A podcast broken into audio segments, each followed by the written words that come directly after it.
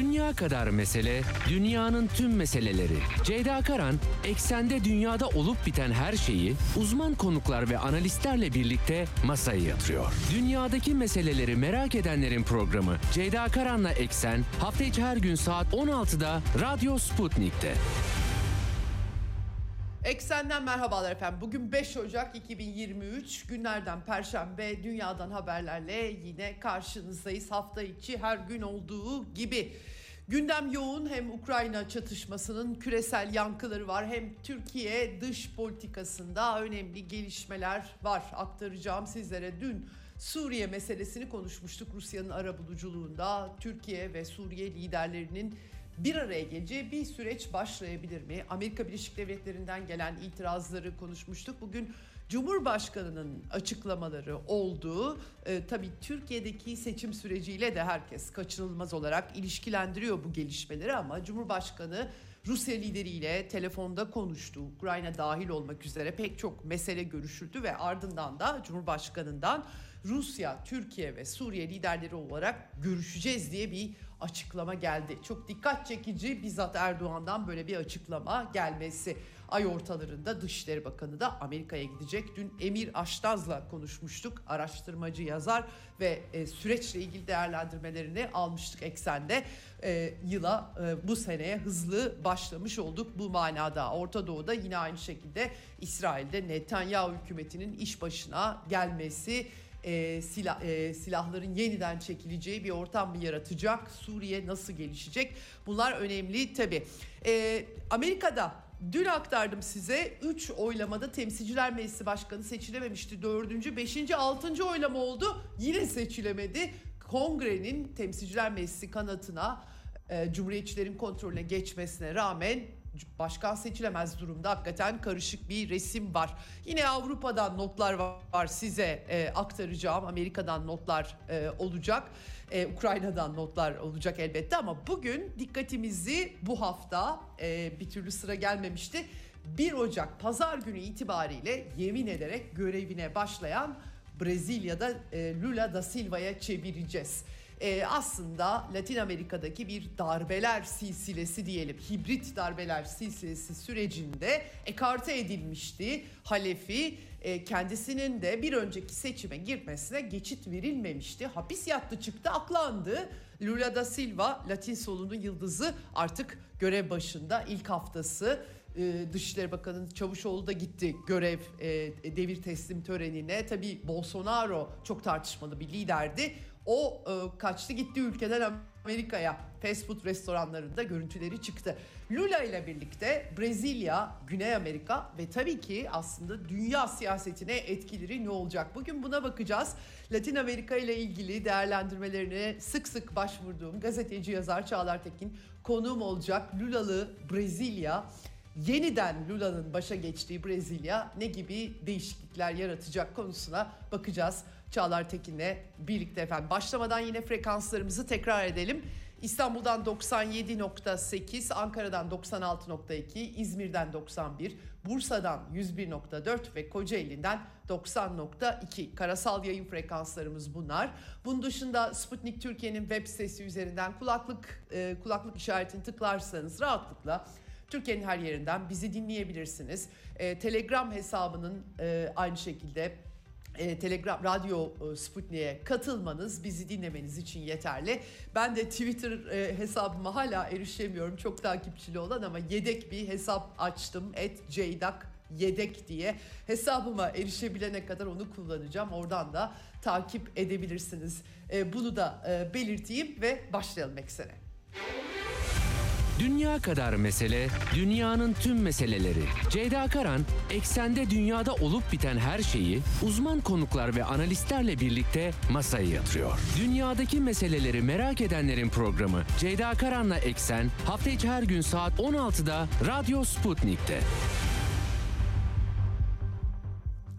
Evet şimdi yeni yılı biz atlattık ama Ortodoks Noel'i geliyor. 6-7 Ocak tarihleri arasında Ortodoks dünyası Rusya, Ukrayna ve e, Rusya Ortodoks Kilisesi'nden de Noel ateşkesi çağrısı yapıldı. 31 Aralık 1 Ocak tarihlerinde Ukrayna sahasında bir ateşkes görmemiştik.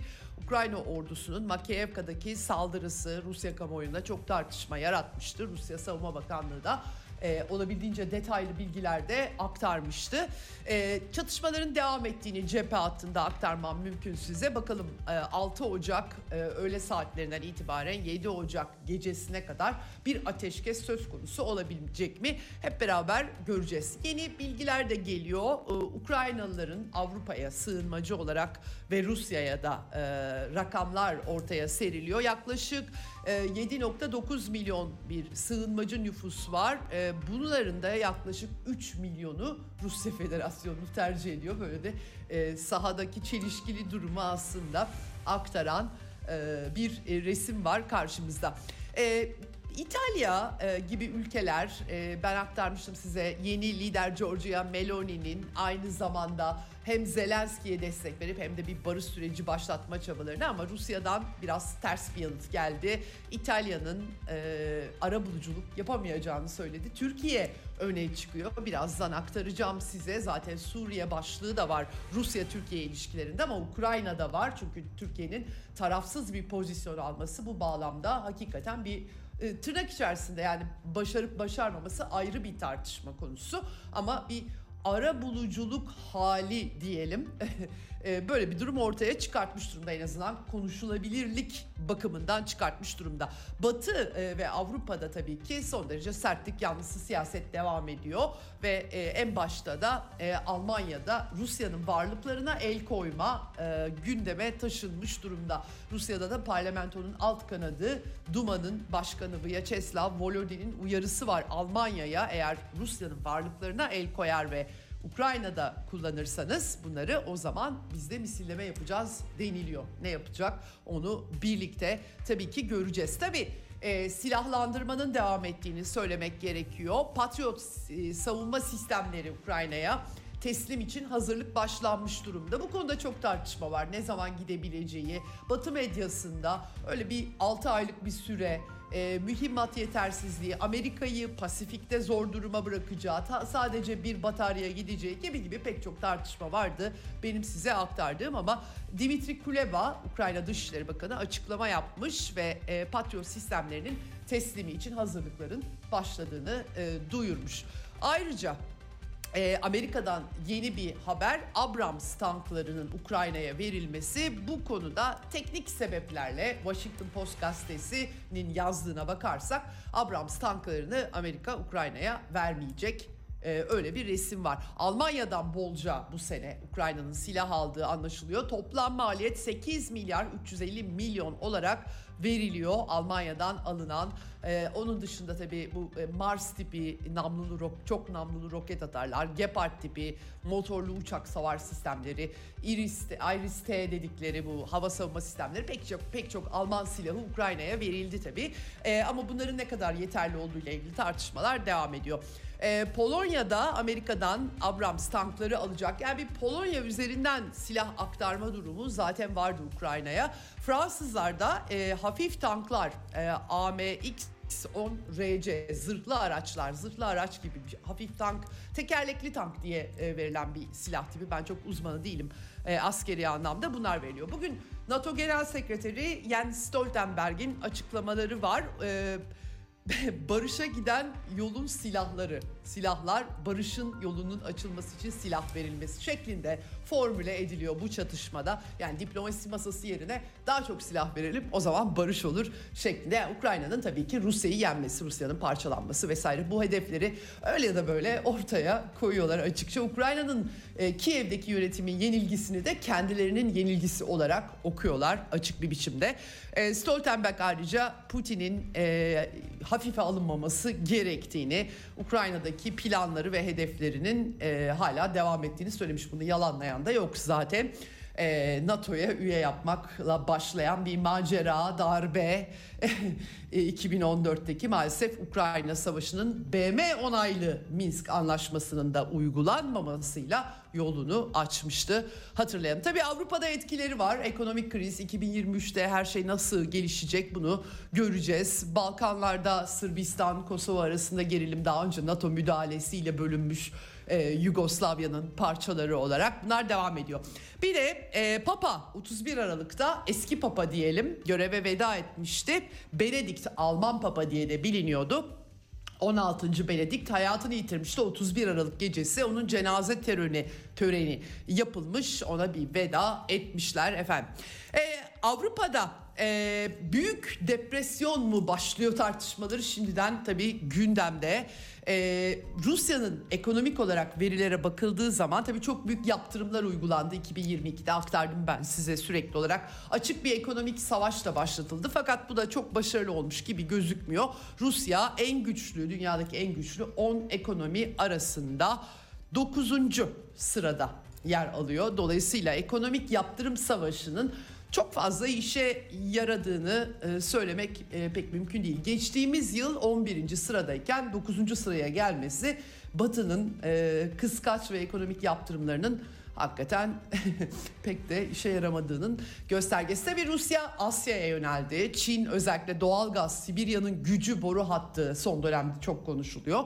Doğalgaz sevkiyatında Çin'e rekor e, e, ortaya çıkmış anlaşılan o ki deniz limanları üzerinden kargo aktarma hacminin genişlediği vurguları var. Dolayısıyla e, böyle bir resim var.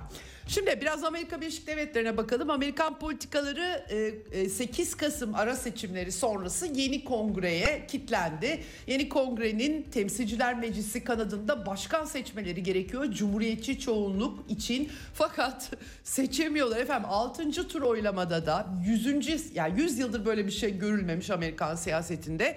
E, Cumhuriyetçiler çoğunluk liderliğini üstlenmesi umulan, beklenen Kevin McCarthy'yi seçmediler. Aralarında fire veriyorlar. Gerçekten çok ilginç bir itiş kakış başlamış durumda. Ee, bir Brian Donalds diye bir isim daha çıkmış ortaya. Ee, McCarthy yani Cumhuriyetçi Parti içerisindeki ayrı gayrılığı belki ortaya seriyor. Çatlakları ortaya seriyor. 2024 seçimleri öncesinde e, bütün bunlar aslında büyük e, sarsıntılar olabileceğine de işaret ediyor. McCarthy aslında Trump'tan yana tavır takınmıştı 2020 seçimleri sırasında ama sonra kongre baş, e, baskınıyla biraz tutum değiştirmişti. Müesses nizama daha uygun tavır almıştı. Cumhuriyetçi Parti içerisinde bu kilit çözülemiyor. Bakalım nasıl çözülecek? Joe Biden da Amerikan başkanı da açıklama yaptı üst üste meclis başkanı seçilemeyince Amerika için çok da iyi bir görüntü oluşmadığını dile getirmek durumunda kaldı. Ee, Nancy Pelosi Kevin McCarthy'ye devreder diye düşünüyordum ben de doğrusu. Ben de yanıldım. O kadar kolay olmayacak gibi e, gözüküyor. Kendi partisinden en başta e, yeterli desteği alamıyor. Yani blok halde oy kullanabilseler seçilecek zaten ama bu e, olmuyor. E, Amerika'da bu arada tabii 2022 senesi Ukrayna çatışmasının körüklenmesi eşliğinde e, yüksek enflasyon, yakıt fiyatları onlar dizginlendi. Enflasyonda, yakıt fiyatları da dizginlendi. Ama tabii e, FED faiz oranlarını yüksek tutar mı tutmaz mı tartışması var. E, bu e, açık piya, Federal Açık Piyasa Komitesi toplantısı tutanakları yayınlanmış en son. Bir süre daha faizleri yüksek tutacaklar. Tabii bu, bu büyüme oranlarını nasıl etkileyecek? Böyle tartışmalarda e, devam ediyor Amerikan ekonomisinde. Bu arada Forbes dergisi de 2022 senesinin en çok kaybeden milyarderlerinin Amerikalı olduklarını ortaya koymuş. Yaklaşık toplamda çok büyük paralar hiçbirimizin gücü yetmez. 2 trilyon dolar kayıp yaşamışlar. Ne vah vah diyoruz. Çok üzülüyoruz bütün bunlara. En fazla yani bu, totalde bu rakam ama en büyük payda Amerikalı zenginlere aitmiş bu e, e, kayıpların en, en e, yüksek miktarı onların. Tabii başta da Tesla ve Twitter'ı Twitter'ı satın almıştı Tesla ve SpaceX'in CEO'su Elon Musk e, yer alıyor. E, Amazon, e, Jeff Bezos'un Amazon'u 18 binden 18 binden fazla çalışanı işten çıkartacakmış. İşsizlik meselesi bakalım ne şekilde tartışılacak 2023 senesinde Amerika Birleşik Devletleri'nde. Bu arada Twitter'da da dün aktarmıştım siyasi reklam yasağını Elon Musk kaldırıyor artık 2019'da getirilmişti. Bir de 11. Twitter dosyalarını bu hafta konuştuk. E, Ümit Alan'la e, Bir Gün Gazetesi yazarıyla e, 11. Twitter dosyalarını yayınladı. E, 250 bin hesabın kapatılmasını istemiş Amerikan e, makamları e, Twitter gibi özel bir şirketten Mark Taibbi, Taibbi e, üzerinden e, açıklanmış bir takım bağımsız gazetecileri seçti Elon Musk. Onlar üzerinden Twitter'da eski yazışmalar, e, talepler e, duyuruluyor. Böyle bir resim var. Ben ben de bu arada hesabıma erişimini kayb erişimimi kaybettiğim için hakikaten oldukça sıkıntılı günler yaşadım birkaç gündür size de e, aktarıyorum e, mecburen yedek hesap açmak zorunda kaldım bugün. E, alışmışım tabii ki 13 sene boyunca ama bir türlü hesabıma giriş yapamıyorum. Duruyor orada hesabım. Böyle bir enteresan bir Twitter macerasıyla ve şakasıyla 2023'e başlamış oldum artık gülüp geçeceğiz yapacak bir şey yok. Evet bir de tabii Çin meselesi var. Bu da e, önemli Çin meselesi çünkü Kasım başlarında Çin'de yeniden pandeminin alevlenmesiyle bir kapanmalar olmuştu. Hatta e, protesto gösterileri ve batıda çok işlendi. Çin tabii üretimin merkezi tırnak içinde dünyanın fabrikası diye anılıyor. Her şeyi de etkiliyor bu en başta Çinliler olmak üzere. Sonra gevşetme e, söz konusu oldu ve 8 e, Ocak itibariyle de uluslararası planda uçuşlar filan da açılıyor artık. Hani her şey normale dönecek filan diye belki bir beklenti var ama bu sefer de e, Çin'deki protestoları ve kapanmaları eleştirmeye başlamıştı Batı medyası. Şimdi de Çinliler seyahat edecek ve e, virüsü yayacak diye bir panik hali ortaya çıktı. E, Çinliler e, ayrımcılık yapıyorsunuz bize diyorlar çünkü test gündeme taşındı Amerika başta olmak üzere Avrupa'da İtalya dahil. E, elindeki verileri Çinliler sonunda e, Dünya Sağlık Örgütü ile paylaşmışlar ve yeni bir varyantın teslim tespit edilmediğini söylüyorlar. Avrupa Hastalıkla Mücadele Merkezi de zaten aslında Çin'deki bu varyant bizde de var diyordu. O yüzden neden Çin'den gelen hastalara böylesine bir ayrımcılık uygulanması gerekiyor? Orasını çözmek pek mümkün değil. Avrupa Birliği ülkeleri bir araya geldiler bu arada. Ee, ve e, bu e, Covid vakalarıyla ilgili koordineli tedbirler uygulanması konusunda bir anlaşmaya varmışlar. Brüksel'de e, bir araya gelmişler Schengen e, üyeleri. E, Çin'den gelen yolculara tıbbi maske takma e, tavsiyesi e, veriliyor. Bu arada bizzat Avrupa'nın kendi sağlık teşkilatı böyle bir ayrımcılığa itiraz ederken gerçekten çok enteresan Covid siyaseti demek gerekiyor bütün bunlara. Ama e, güçlü bir biçimde 48 saat önce yapılmış negatif sonuçlu test maske gibi şeyler talep ediyorlar. Ocak ortasında tekrardan Avrupalılar Çin'in durumunu, Çinlilerin diyelim durumunda gözden geçireceklermiş. Mesela İspanya gibi ülkelerde de sertifika şartı getiriyorlar. Ee, ama öte yandan mesela e, Britanya'da, Belçika'da grip salgınlarından bahsediliyor. Böyle acayip bir resim e, ortaya çıkmış durumda. Dünya Sağlık Örgütü e, Covid-19 tehlikesinin devam ettiği uyarısında bulundu. Hani Covid'den kurtulduk falan diyoruz ama bir yandan böyle uyarıları devam ettiriyorlar. Gebreyesus e, Dünya Sağlık Örgütü Genel Direktörü açıklama yaptı virüs tehlikesi sürüyor diye ama e, doğru çabalar sergilersek işte bu yıl kurtuluruz gibi yine aslında geçmişte duyduğumuz açıklamalar. Tabii e, bu yeni varyant uyarısı da var. XBB e, nokta 1.5 varyantı. Ee, Avrupa bir Avrupa'da da Amerika Birleşik Devletleri'nde de kısa süre içerisinde e, baskın varyant haline geldiği belirtiliyor Dünya Sağlık Örgütü tarafından ve bu konuda yüksek derecede bulaşıcı diye de bir uyarıda bulunuyor. Yani Çin tartışılırken bir yandan da böyle bir kolay enfeksiyon aşılamalara e, rağmen yani bu aşılamalardan kaçabilecek bir enfeksiyon diye bunu ortaya attı. Atan da Dünya Sağlık Örgütü. Dolayısıyla böyle bir uyarıyı e, dikkate almak lazım herhalde. Bilemiyorum artık benim de tamamen kafam karıştı. İşin içerisine Çin'le ilgili Covid siyaseti de girince hakikaten ne olduğunu çözebilmek e, çok mümkün değil. Bir de gündemden düştüğü için artık eğrisi doğrusu nedir onu da tam olarak anlayamıyoruz hiçbirimiz. Böyle bir resim.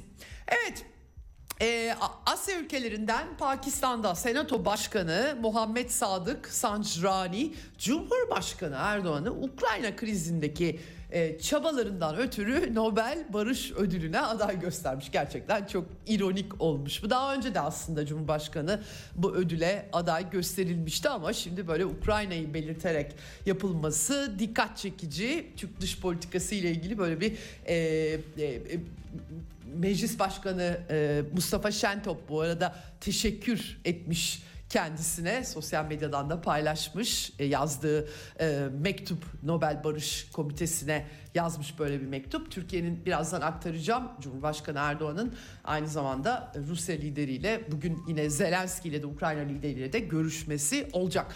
Bir yandan tabii e, e, Türk dış politikasında İsrail'le de yeni bir e, temas hali var. Geçtiğimiz yıl ilişkiler büyükelçilerinde atanmasıyla baya bir rayına oturtulmuştu. Dışişleri Bakanı Çavuşoğlu İsrail'in yeni Dışişleri Bakanı Benjamin Netanyahu hükümetinin Dışişleri Bakanı Eli Cohen'le e, telefonda görüşmüş e, ve tabii e, bunun en önemli sebeplerinden birisi e, yeni Ulusal Güvenlik Bakanı Ben Givir'in ki kendisi aşırı milliyetçi, e, aşırı dinci diye sınıflandırılıyor liberal medya tarafından. Meclis Meclis e, Mescid-i Aksa'ya giriş girme teşebbüsü etkili olmuş gibi gözüküyor. E, Türkiye ile İsrail ilişkileri daha yeni yeni yavaş yavaş elçilerin atanmasıyla rayına oturmuşken bu olay e, pek de hoş karşılanmamış gibi gözüküyor.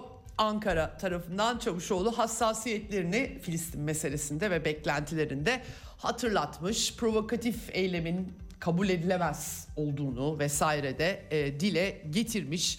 Bilemiyorum buradan tam olarak ne çıkacak. İsrail ile ilgili biraz daha bilgi aktaracağım size ama tabii e, Rusya'nın da Orta Doğu'yla e, ilişkisi sadece Suriye değil. İsrail e, Netanyahu hükümetiyle de yakın ilişkileri olmuştu geçmişte. Moskova'nın bundan sonra yeni dönemde e, nasıl olacağını hep beraber tabii göreceğiz. Şimdi Türk dış politikasında asıl başlıkta bir dün Emir Aşnaz'la konuşmuştuk. 28 Aralık'ta Rusya, Türkiye, Suriye savunma bakanlarının da ilk defa istihbarat şeflerinin yanında Moskova'da buluşması olmuştu.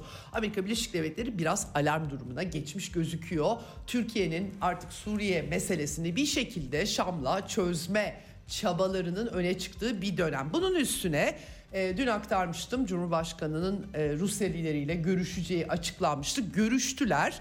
Telefon görüşmesiyle ilgili iki taraftan da açıklamalar var. Cumhurbaşkanlığı İletişim Başkanlığı'nın açıklamasına bakılırsa yani sadece tabii ki e, Suriye meselesi değil hem Rusya-Türkiye ilişkileri hem Ukrayna krizi, Türkiye'nin gaz merkezi e, uzun vadede yapılması gibi gibi başlıklar öne çıkmış. Erdoğan özellikle doğal gaz merkezi olma konusunda altyapı güçlendirilmesine vurgu yapmış ve kısa sürede bir yol haritası ortaya konulmasından bahsediliyor. Nasıl somutlanacak bu henüz belli değil. Ukrayna krizinde Türkiye'nin işte tahıl koridoru, esir değişimi gibi arabuluculuk çabaları, tarafsız pozisyon alması bu e, konuları gündeme taşımış Cumhurbaşkanı ve ateşkes ilanı adil e, çözüm vizyonuyla bunların desteklenmesi gerektiğini söylemiş. Yani tabii NATO ve ABD'ye rağmen Ukrayna'da nasıl bir barış sağlanabilir ben çok bilmiyorum. Türkiye istese bile gücü yeter mi böyle bir e, durumda? Stoltenberg barışa giden yol e, bol bol silah vermek, e, savaş e, dediği bir noktada NATO üyesi Türkiye'nin de elinden çok fazla bir şey gelemeyebilir açıkçası. E, Cumhurbaşkanı aynı zamanda Suriye başlığında da e, dikkat çekici e, cümleler kurdu. E, kurmuş telefonda Vladimir Putin'e. PKK, PYD, YPG'nin Türkiye'nin sınır bölgelerinden özellikle Tel Rifat ve Münbiç'ten temizlenmesi için artık somut adım atılması gerektiğini dile getirmiş. Bu önemli çünkü Türkiye aslında bir buçuk yıldır neredeyse ya, bir, ya da bir yıldır diyelim hatta 2021'de başladı daha önce e, yeni bir harekat e, işte bir gece ansızın gelebiliriz vurguları yapıyor ama bu bir türlü de somutlanmıyor. Amerika Birleşik Devletleri olsun Rusya olsun böyle bir yeni harekata karşı olduklarını durumu daha karmaşıklaştıracağını dile getiriyorlar. Cumhurbaşkanı ise özellikle Tel Rifat ve Münbiç'in altını çizerek böyle bir mesaj vermiş. Ee, Suriye konusunda da rejimin yapıcı olması ve siyasi süreçte bir takım adımların hayata geçirilmesinin gerektiğini dile getirmiş e, Vladimir Putin'le görüşmesinde. E, Rusya tarafı e, burada daha biraz daha Ukrayna temelli Kremlin'in açıklaması o şekilde. vurgular var. Batılı ülkelerin Kiev'deki rejime silah, askeri teçhizat ve işte Rusya hedeflerine ilişkin operasyonel bilgi sağlayarak yıkıcı bir rol oynadıklarını söylemiş Putin Erdoğan'a. E, Erdoğan biz arabuluculuğa hazırız deyince de e, Rusya'nın taleplerinin yerine getirilmesi yeni topraksal gerçekliklerin dikkate alınması halinde ciddi diyaloğa açık olduklarını tekrarlamış. Pozisyonda değişen bir şey yok. Bunu er, e, Erdoğan'a da tekrarlamış. Tabii e, aslında bilmediğimiz şeyler değil. Bir de e, enerji başta olmak üzere Türkiye-Rusya ekonomik işbirliğini de ele aldıkları işte gaz merkezi Akkuyu e, anlaşılıyor. İşte onun ardından genişletilmiş il başkanları toplantısında Cumhurbaşkanı'nın açıklamaları var. Çok dikkat çekici. Türkiye'deki seçimlerle ilgili de dikkat çekici. Erkene alma ifadesi var Cumhurbaşkanı'nın mevsimsel koşullardan bahsediyor. İşte Mayıs'ta mı olur, Haziran'da mı olur diye herkes konuşurken acaba daha erkene e, mi çekilecek diye herkes bunu tartışıyor. E, burada e, tabii Suriye başlığı dış politika ilgilendiren başlıkta e, genişletilmiş il başkanları toplantısında Cumhurbaşkanı Erdoğan Türkiye, şey Rusya, Türkiye, Suriye liderleri olarak görüşeceğiz diye bir ifade kullandı. Bu önemli en son kullandığı ifade. Ee, yeni bir e, bu seçimlerle ilgili 2023 seçimleriyle ilgili vurgudan sonra ekonomik vurgulardan sonra Putin'le görüştüm. Türkiye-Rusya ilişkilerini değerlendirdik diyor ve Suriye'deki gelişmeler Rusya, Türkiye, Suriye olarak istihbarat savunma bakanlarımızın Moskova'da bir araya gelişleriyle bir süreç başlattık. Ardından bakanlarımız, Dışişleri Bakanlarımız bir araya getireceğiz. Gelişmelere göre liderler olarak bir araya geleceğiz demiş. Bugün Zelenski ile de Ukrayna meselesini, tahıl gübre meselesini konuşacağını dile getirmiş. Böyle bir resim var önümüzde. Başta da girişte de dediğim gibi Suriye başlığı bu yıl en taze, bu yılın en taze konusu nasıl şekillenecek beraber göreceğiz. Dışişleri Bakanı Çavuşoğlu çünkü yıl, e, bu ay ortalarında 17-18 Ocak'ta Amerika Birleşik Devletleri'nde Anthony Blinken'la Amerikalı mevkidaşıyla bir araya gelecek ve e, Amerikan yönetimi Türkiye'nin Suriye ile başka bir sürece girmesinden çok rahatsız gözüküyor. Bunları e, dün de konuşmuştuk. E, bu arada Birleşik Arap Emirlikleri Dışişleri Bakanı Abdullah bin Zayed El Nahyan e, Şam'a gitmiş. Beşar Esad'la e, beraberindeki heyetle e, bir görüşme gerçekleştirmiş. Bir dizi bölgesel uluslararası ortak çıkar meselelerinin konuşulduğu belirtiliyor. Birleşik Arap Emirlikleri aslında bu süreçte 2021'de e, Şam yönetimiyle Esad'la ilk kez o zaman görüşmüştü. Öncesinde de e, başkent Şam'da e, Birleşik Arap Emirlikleri e, elçiliği de açılmıştı. İlk normalleşmeye girişen diyelim aslında Birleşik Arap Emirlikleri. Bu da dikkat çekici olmuş. E, Dışişleri Bakanı'nın Suriye ziyareti. E, Amerikan e, Merkez Kuvvetler Komutanlığı da bu arada Deir ez-Zor, e, e, Suriye Deir ez-Zor bölgesinde koalisyon güçlerine roket saldırısı düzenlendiğini duyurmuş. Ara ara bunlar oluyor, yaşanıyor. Evet İsrail siyasetinde de Benjamin Netanyahu tartışılıyor. Bunu bugünlerde ben de e, tekrardan eksende gündem yapacağım.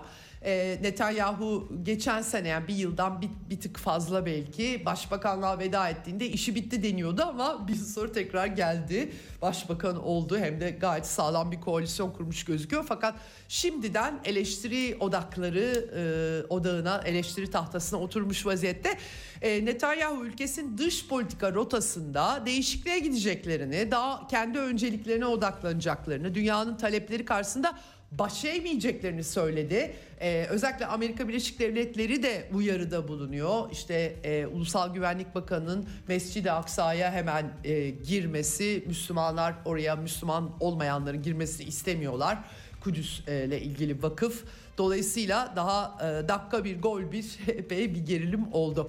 Ukrayna konusunda da e, Netanyahu nasıl politika izleyecek ona da bakacağız ama Zelenski ile telefonda görüştüğü açıklanmıştı ve pek de e, Kiev yönetimi İsrail'den çok da istediği sonuçları elde edememiş gibi bir, bir resim vardı. Ukrayna politikasında ne yapacaklar, nerede duracaklar bunu da tabii hep beraber e, takip edeceğiz. E, bu arada e, Filistinli bir 40 yıl İsrail hapishanelerinde kalan esirler Filistin Esirler Cemiyeti yapmış bu açıklamayı. Kerim Yunus serbest bırakılmış bunca zamandır. 27 yaşında girmiş 67 yaşında çıkmış. Vay 40 yıl hakikaten çok büyük bir mahkumiyet. E, gözaltına alındığından beri müebbet hapis cezasına çarptırılmış bu arada. Evet e, İran ve Irak'ta bugünlerde en çok gündem e, belli bölgelerinde özellikle İran'ın hava kirliliği Huzistan'da 578 kişi hastaneye kaldırılmış çok acayip bir rakam. Irak'ta da aynı şekilde hatta resmi tatil ilan etmişler. Oralarda hava kirliliği çok fena bir sorun hakikaten. E, İran'ın e, Mehsa Emini protesto dalgası teskin olmuş gibi gözüküyor. 11 kişi idam edilmişti. Dün Hamaney'in açıklamaları vardı. Ee, başörtüsü takmayan genç kadınların işte hain sayılmaması gerektiğini söylemişti ama bunun da bir dini zorunluluk olduğu görüşünü de altını çizmişti.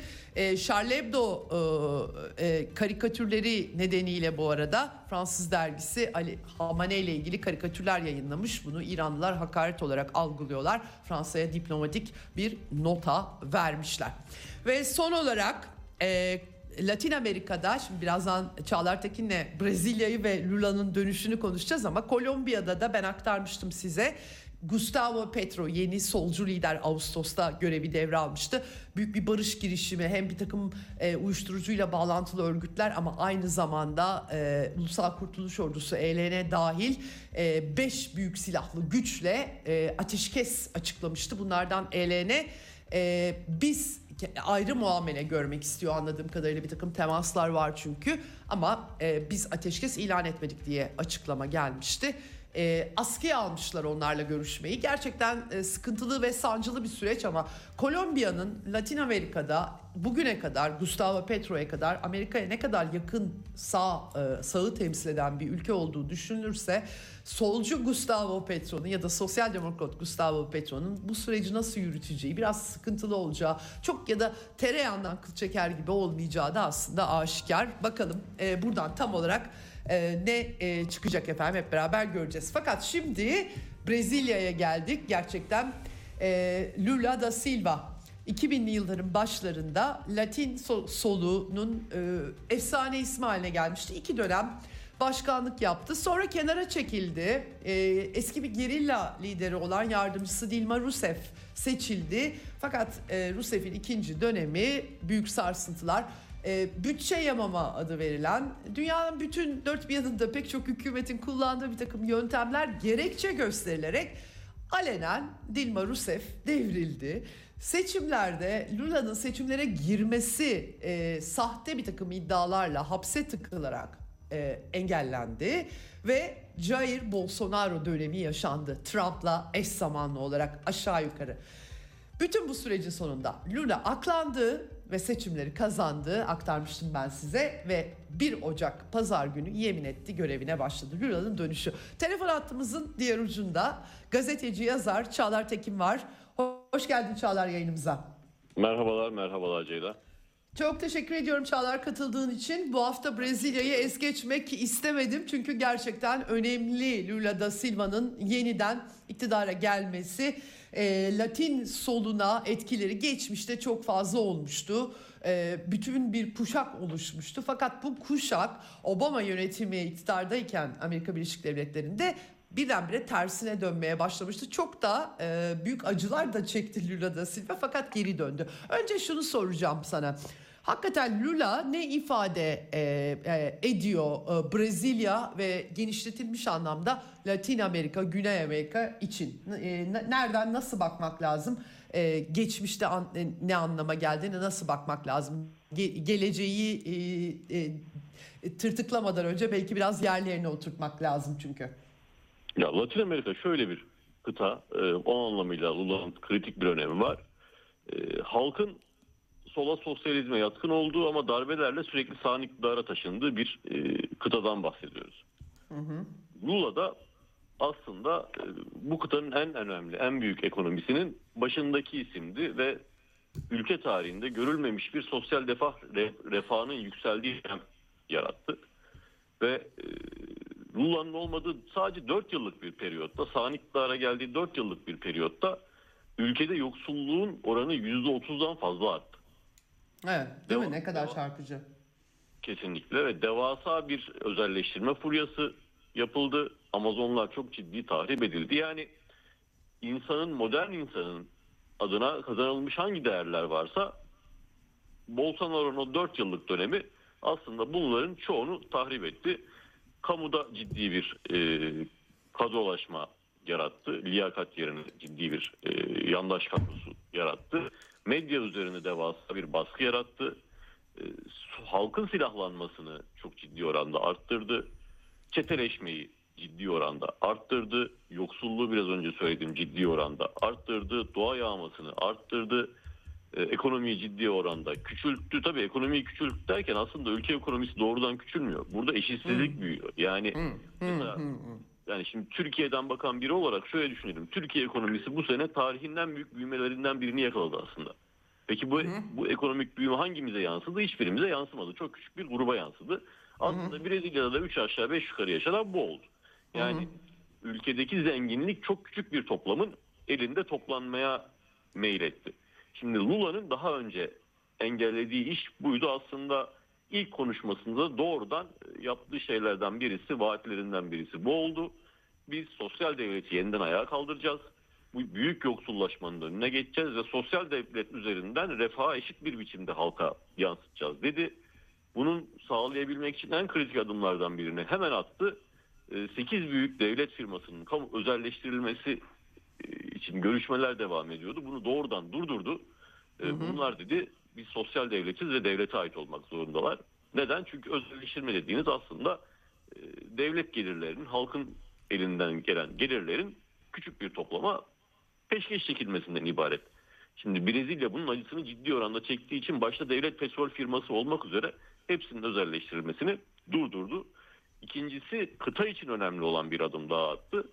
Ee, misal işte Venezuela Devlet Başkanı'nın ülkeye girişi yasaktı. Evet. Kaldırılmış oldu. Ee, böylece Maduro'nun girişi serbestleşti. Aslında bu doğrudan bir Maduro'ya e, mesajdan ziyade Latin kıtasına bir mesaj olarak algılanmalı. Zira o işte darbeyi aşıp da tekrar sola dönen ülkeler bütünü aslında Latin Amerika yani işte bunu Bolivya'da misal gördük yaşadık. Ee, darbenin ardından yapılan ilk seçimde sosyalistler tekrar iktidara döndü. Ee, Kolombiya tarihinde ilk defa e, bir sol iktidara e, alan açmış oldu. Keza bu da e, ülke için yani kıta için ve dünya için şöyle bir öneme sahip. Amazonların yağmasının durdurulması açısından öneme sahip. E, Kolombiya bir de e, uyuşturucu ticareti üzerinden ABD'nin tüm Latin Amerika'daki o çeteleri, e, silahlı çeteleri beslediği, finans, finanse ettiği geliri yaratan ülke pozisyonunda aslında. Bunlarla yapılacak bir hesaplaşma ABD'nin bu anlamıyla elini hem e, zora sokacak yani uyuşturucu finansmanını kesecek ABD'nin hem de e, ikinci bir adım olarak da bu kontrol gerilla çetelerinin Latin Amerika kıtasında zayıflamasına yol açacak. Bu da bu anlamıyla önemli. E, Amazonların yağmasının durması küresel ısınmanın önüne geçmek için en kritik başlıklardan bir tanesi. Bu hem Kolombiya'da hem Venezuela şey, pardon e, Brezilya'da iki sol liderin gelmesi Amazon yağmasının durması anlamına gelecek. Bu anlamıyla o da e, kritik bir anlama Evet. sahip. Tabii sen programı açarken dedin ki e, Lula işte yeniden koltuğuna döndü. Aslında o, saatlerde Bolsonaro da öz evine dönüp ABD'de Amerika'da. Tabii bir o şey tavuk yer pozisyonda fotoğraflarıyla e, dünyaya reklam edildi diyelim. Evet. Bununla Bir beraber Evet Amerika'yı hemen burada e, az es geçmeden sorayım. Geçen ay çünkü ben hemen fotoğraflarını Telegram hesaplarında görmüştüm. Jake Sullivan meşhur El-Kaide Suriye'de bizim yanımızda lakaplı Clinton'a yazdığı e, e-postayı Wikileaks yazışmalarında okumuştuk. Kendisi Brezilya'ya gitti geçen ay. E, ve Lula ile beraber fotoğrafları çıkmıştı. Şimdi tabii Lula'nın de, Dilma'nın devrilme ve Lula'nın e, seçimlerden engellenme sürecinde bir şekilde herkes arkasında Amerika'yı görüyor e, aslında. Lula da çok çile çekti. Şimdi de e, hemen e, dakika bir gol bir Brezilya'nın yeni Dışişleri Bakanı Mauro e, Vieira e, Anthony Blinken'la görüşmüş. E, Maduro'ya da e, yasağı kaldırdığı için Brezilya'nın yeni Lula'lı yönetimi biraz böyle e, değişik bir durum var. Amerika Birleşik Devletleri biraz yumuşatabilir mi? Çünkü Lula kendisini aslında kimlerle bağlantılı kimlerin devirdiğini biliyor olsa gerek. Ne dersin? e, ya elbette elbette Latin Amerika'da zaten bunu bilmeyen muhtemelen uçan kuş dahi yok. E, ama şunu da söylemek lazım. Lula zaten seçim döneminde ABD ile ilişkileri çok bozmama üzerine kurulu bir e, Evet. kampanya yürüttü. Evet. Ee, yanlış hatırlamıyorsam seninle bu bu programda konuştuğumuzda e, seçimden sonra Lula'nın biraz daha solda bir pozisyona geçebileceğini e, olasılığı üzerine durmuştuk. En azından ilk açıklaması e, bu anlamda dediğimizi doğrular bir pozisyon oldu. Yani o sosyal devlet, kamucu devlet pozisyonunun geri gelmesi, işte Lu- şeyin e, Maduro'nun önünden yasağın kalkması gibi gibi bir dizi adım özelleştirmenin durdurulması ve e, Çin Devlet Başkanı mesela ilk kabul ettiği ziyaretçisi Çin Devlet Başkan Yardımcısıydı. Onunla bir takım görüşmeler yaptı. Kuvvetle muhtemel ki 3 günlük bir ziyaret için orada çünkü e, başkan yardımcısı e, bir anlaşmalar bütünde imzalanacak. E, Evet. Çin ile Brezilya'nın yeni yönetimi arasında ki bu da aslında önemli bir mesaj haline geliyor. Tabii e, Çin çok bilinmiyor. Hani Latin Amerika'da böyle bir askeri üssü yok, bilmem nesi yok, şusu yok ama ticari olarak çok güçlü bir biçimde tüm Latin Amerika ülkelerinde e, Çin'in bir varlığı var. E, Evet. Hatta ABD ablukasına karşı Çin'in sunduğu temel mesele bu. Ben sizin nefes almanızı sağlarım. Anti ABD pro- pro- politikaları uygularsanız demiş oluyor bunu. E, Evet. bu Rusya e, Rusya e, e, parlamento başkanı da gitti yemin törenine. Bir heyetle Rusya da katıldı. Herhalde e, Lula ile onlar da ilişkileri tabii e, BRICS'te düşündürse değil mi? E, Brezilya'da önemli bir ülke aslında. Kü- Küresel güneyi temsil etmesi bakımından biraz daha dengeleri kurması zorlayacak mı bilmiyorum. Ne dersin? E, Lula'nın dış politikası açısından çok fark bekle- beklememiz gerekir mi? Amerikancı olur mu Lula? Yani hani çok büyük bir Amerikan karşıtı olacağını düşünmek için elimizde pek bir veri yok açıkçası. Ee, ama Amerikancı bir isim olacağını düşünmek için de pek bir veri yok. Biraz Evet. dengeci bir politika e, güdecek. Benim anladığım kadarıyla Çin'in ve Rusya'nın da zaten temel beklentisi bunun üzerine Evet. kurulu. Yani e, onlar da böyle bir büyük bir karşıtlık vesaire gibi beklentiye sahip değil Lula'dan. Ama Evet. e, yaptırımlarla, şunlarla, bunlarla bir şekilde engellenmedikleri takdirde zaten kıtada e, var olabileceklerini biliyorlar. Hani Rusya bir ticari partner olarak girmiyor buraya. Rusya'nın o anlamda çok ciddi bir rolü yok belki ama Rusya bir siyasi figür olarak e, dengeyi sağlayan siyasi figür ve askeri bir destek, e, uluslararası bir politik destek olarak bu tabu coğrafyada varlığını biraz daha güçlendiriyor. E, bu ülkeler içinde yani ticari olarak Çin'le bir e, ilişki kurma, askeri ve politik olarak da Rusya ile ilişki kurma, bunu da ABD üzeri ABD'yi dengeleyecek bir pozisyona çekme aslında bu ülkelerin temel politik e, varlığı. Bir kıta iç dayanışması zaten halihazırda e, politik dayanışması Biraz- oluşuyor. Evet biraz da güçlendi diyebilir miyiz? Çünkü Kolombiya ilk defa e, e, alt kıtada e, sol tırnak içerisinde sosyal demokrat e, ülkeler e, grubuna katıldı Gustavo Petro ile. Biraz daha acaba Lula'nın işi kolaylaşır mı? 2000'li yıllarda da bir dalga esmişti aslında ama tabii sonra bu çok e, sert patladı. Bu sefer farklı olur mu ne dersin? Ya Kolombiya oluşacağı varlığı. aşikar bir rahatlama dalgası oluşacağı aşikar en azından ama bunu bir e, mesela daha önceki dönemde Chavez gibi bir figür vardı. Bunu tüm Latin Amerika kıtasında öncülüğünü çeken, üstlenen vesaire. Şu an böyle bir figür görmüyoruz açıkçası. E, hani bir Küba'nın tarihsel varlığı vesaire var ama hani Küba'nın tarihsel varlığı o Chavez itibari bir figür olma durumundan biraz daha uzak. E, Biraz daha tarihsel bir anlamı var. Bu anlamıyla öne çıkan bir lider şu an için yok. Ama e, kıtada darbe yapılmadığı müddetçe sağ iktidar da doğru düzgün kalmış durumda değil zaten. E, Buradan baktığımızda bir kolektif durum var. E, Ama Kolombiya burada senin altını çizmen çizdiğin Kolombiya önemli çünkü tarihinde ilk defa solcuların iktidara geldiği ve Evet. buna karşı ABD darbelerinde kullanılan kontur gerillaların merkezi pozisyonundaki bir ülkeydi Kolombiya her zaman. Evet. Kolombiya şu an böyle bir pozisyona alınmasını engelleyebilirse ki iktidar en azından bu güce sahip e, bu çok kritik bir aşama olur. Hele hele ki e, şu gerilla hareketleriyle bir anlaşma imzalanır da Evet. gerilla aslında çünkü şimdi o temel metinde yer alıyor ama böyle geçmiyor.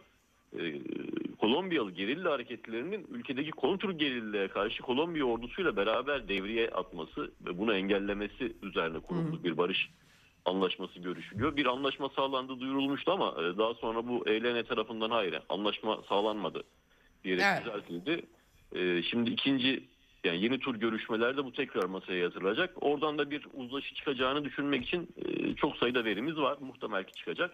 Evet, Meksika'da yapıyorlar. Bir de Meksika'nın da güçlenmiş bir pozisyonu var sanki orada. Yani şunu söylemeye çalışıyorum aslında. Lula'nın şartları biraz daha iyi olabilirmiş gibi bir izlenim çıkıyor. Yani hem Venezuela hem Kolombiya hem e, Meksika bu arada çok farklı e, rol e, oynuyor.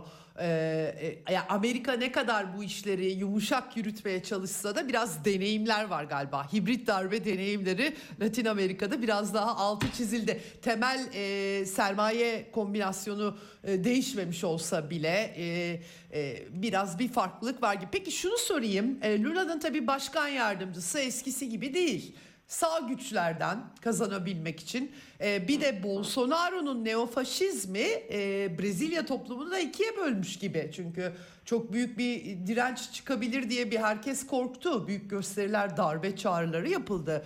E, Bolsonaro'nun etkisini e, küçümsememekte öte yandan yani uluslararası bölgesel koşullar elini güçlendirse de Brezilya içerisinde bir hassas durumun devam ettiğini söyleyebilir miyiz? Ne dersin? Mutlaka söyleyebiliriz. Zaten yani tırnak içinde öyle bir meşrulukları var. Tırnak içine alıyorum bunu. Hala hazırda şu an Genelkurmay Başkanlığı'nın önünde darbe talep eden e, çadırlar Evet. kurulu. Yani hala Evet. Brezilya'nın içerisinde bir toplam aleni bir biçimde Genelkurmay Başkanlığı'nın karşısına çadırlarını kurmuş. Hadi darbe yapın indirin bu herifi diyorlar. Evet. Yani Açıkça.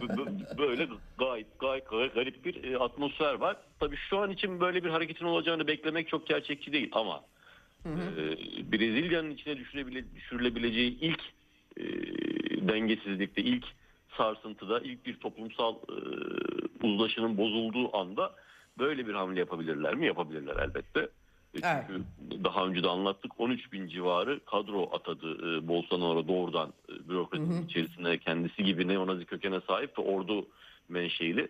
E, ordudaki subayların hemen hepsini belirledi, değiştirdi. Yüksek Evet. Mahkemede 4 yıl içerisinde değiştirebileceği isimlerin hepsini yine neonazi hareketten çektiği veya kendine yakın isimlerden oluşturdu. Tabii burada e, kıdeme yassı olarak hala değiştiremediği bir toplam var. O toplam o anlamda kritik değerli. E, ama bu dengenin yani bir darbe olasılığının hala olduğunu kimse unutmamalı tabii. Sonuçta Evet. böyle Evet. 4 yıllık büyük bir yatırım, kadrolaşma vesaire sağlandı. Burada ABD'nin ciddi bir tarihsel birikimi var e, Brezilya'da dahil olmak üzere tüm kıta ülkelerinin bürokrasisinin içerisinde. Tüm Evet. koşullar elbette yoklanacak, zorlanacak ama e, geçtiğimiz bir sene içerisinde ABD'nin çok daha zayıf hale geldiğini rahatlıkla söyleyebiliriz Latin Amerika kıtasında. Peki. Çok teşekkür ediyorum Çağlar. Ee, Brezilya'yı yakından takip edeceğiz tabii. Önemli bir örnek hem Latin Amerika için hem e, dünya politikalarında. Bakalım nasıl BRICS içerisinde konumu nasıl e, usta bir siyasetçi Lula da Silva bütün bu dengeleri nasıl tesis son, edecek? son bir cümlede Tabii, buyur. Türkiye'ye özgün Türkiye'ye bir gönderme babında. Evet.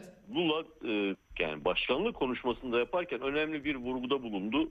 Yıllar içerisinde dedi Covid'den bizim 1 milyona yakın insan kaybetmemize sebep olan, bürokrasi içerisinde yoğun bir kadrolaşma yaratan, devleti bu anlamıyla büyük oranda zafiyete sokan kadroların yargılanma dönemini de açıyoruz dedi. Bu önemli bir e, ifade Lula'nın Evet. konuşmasından diye de bitireyim.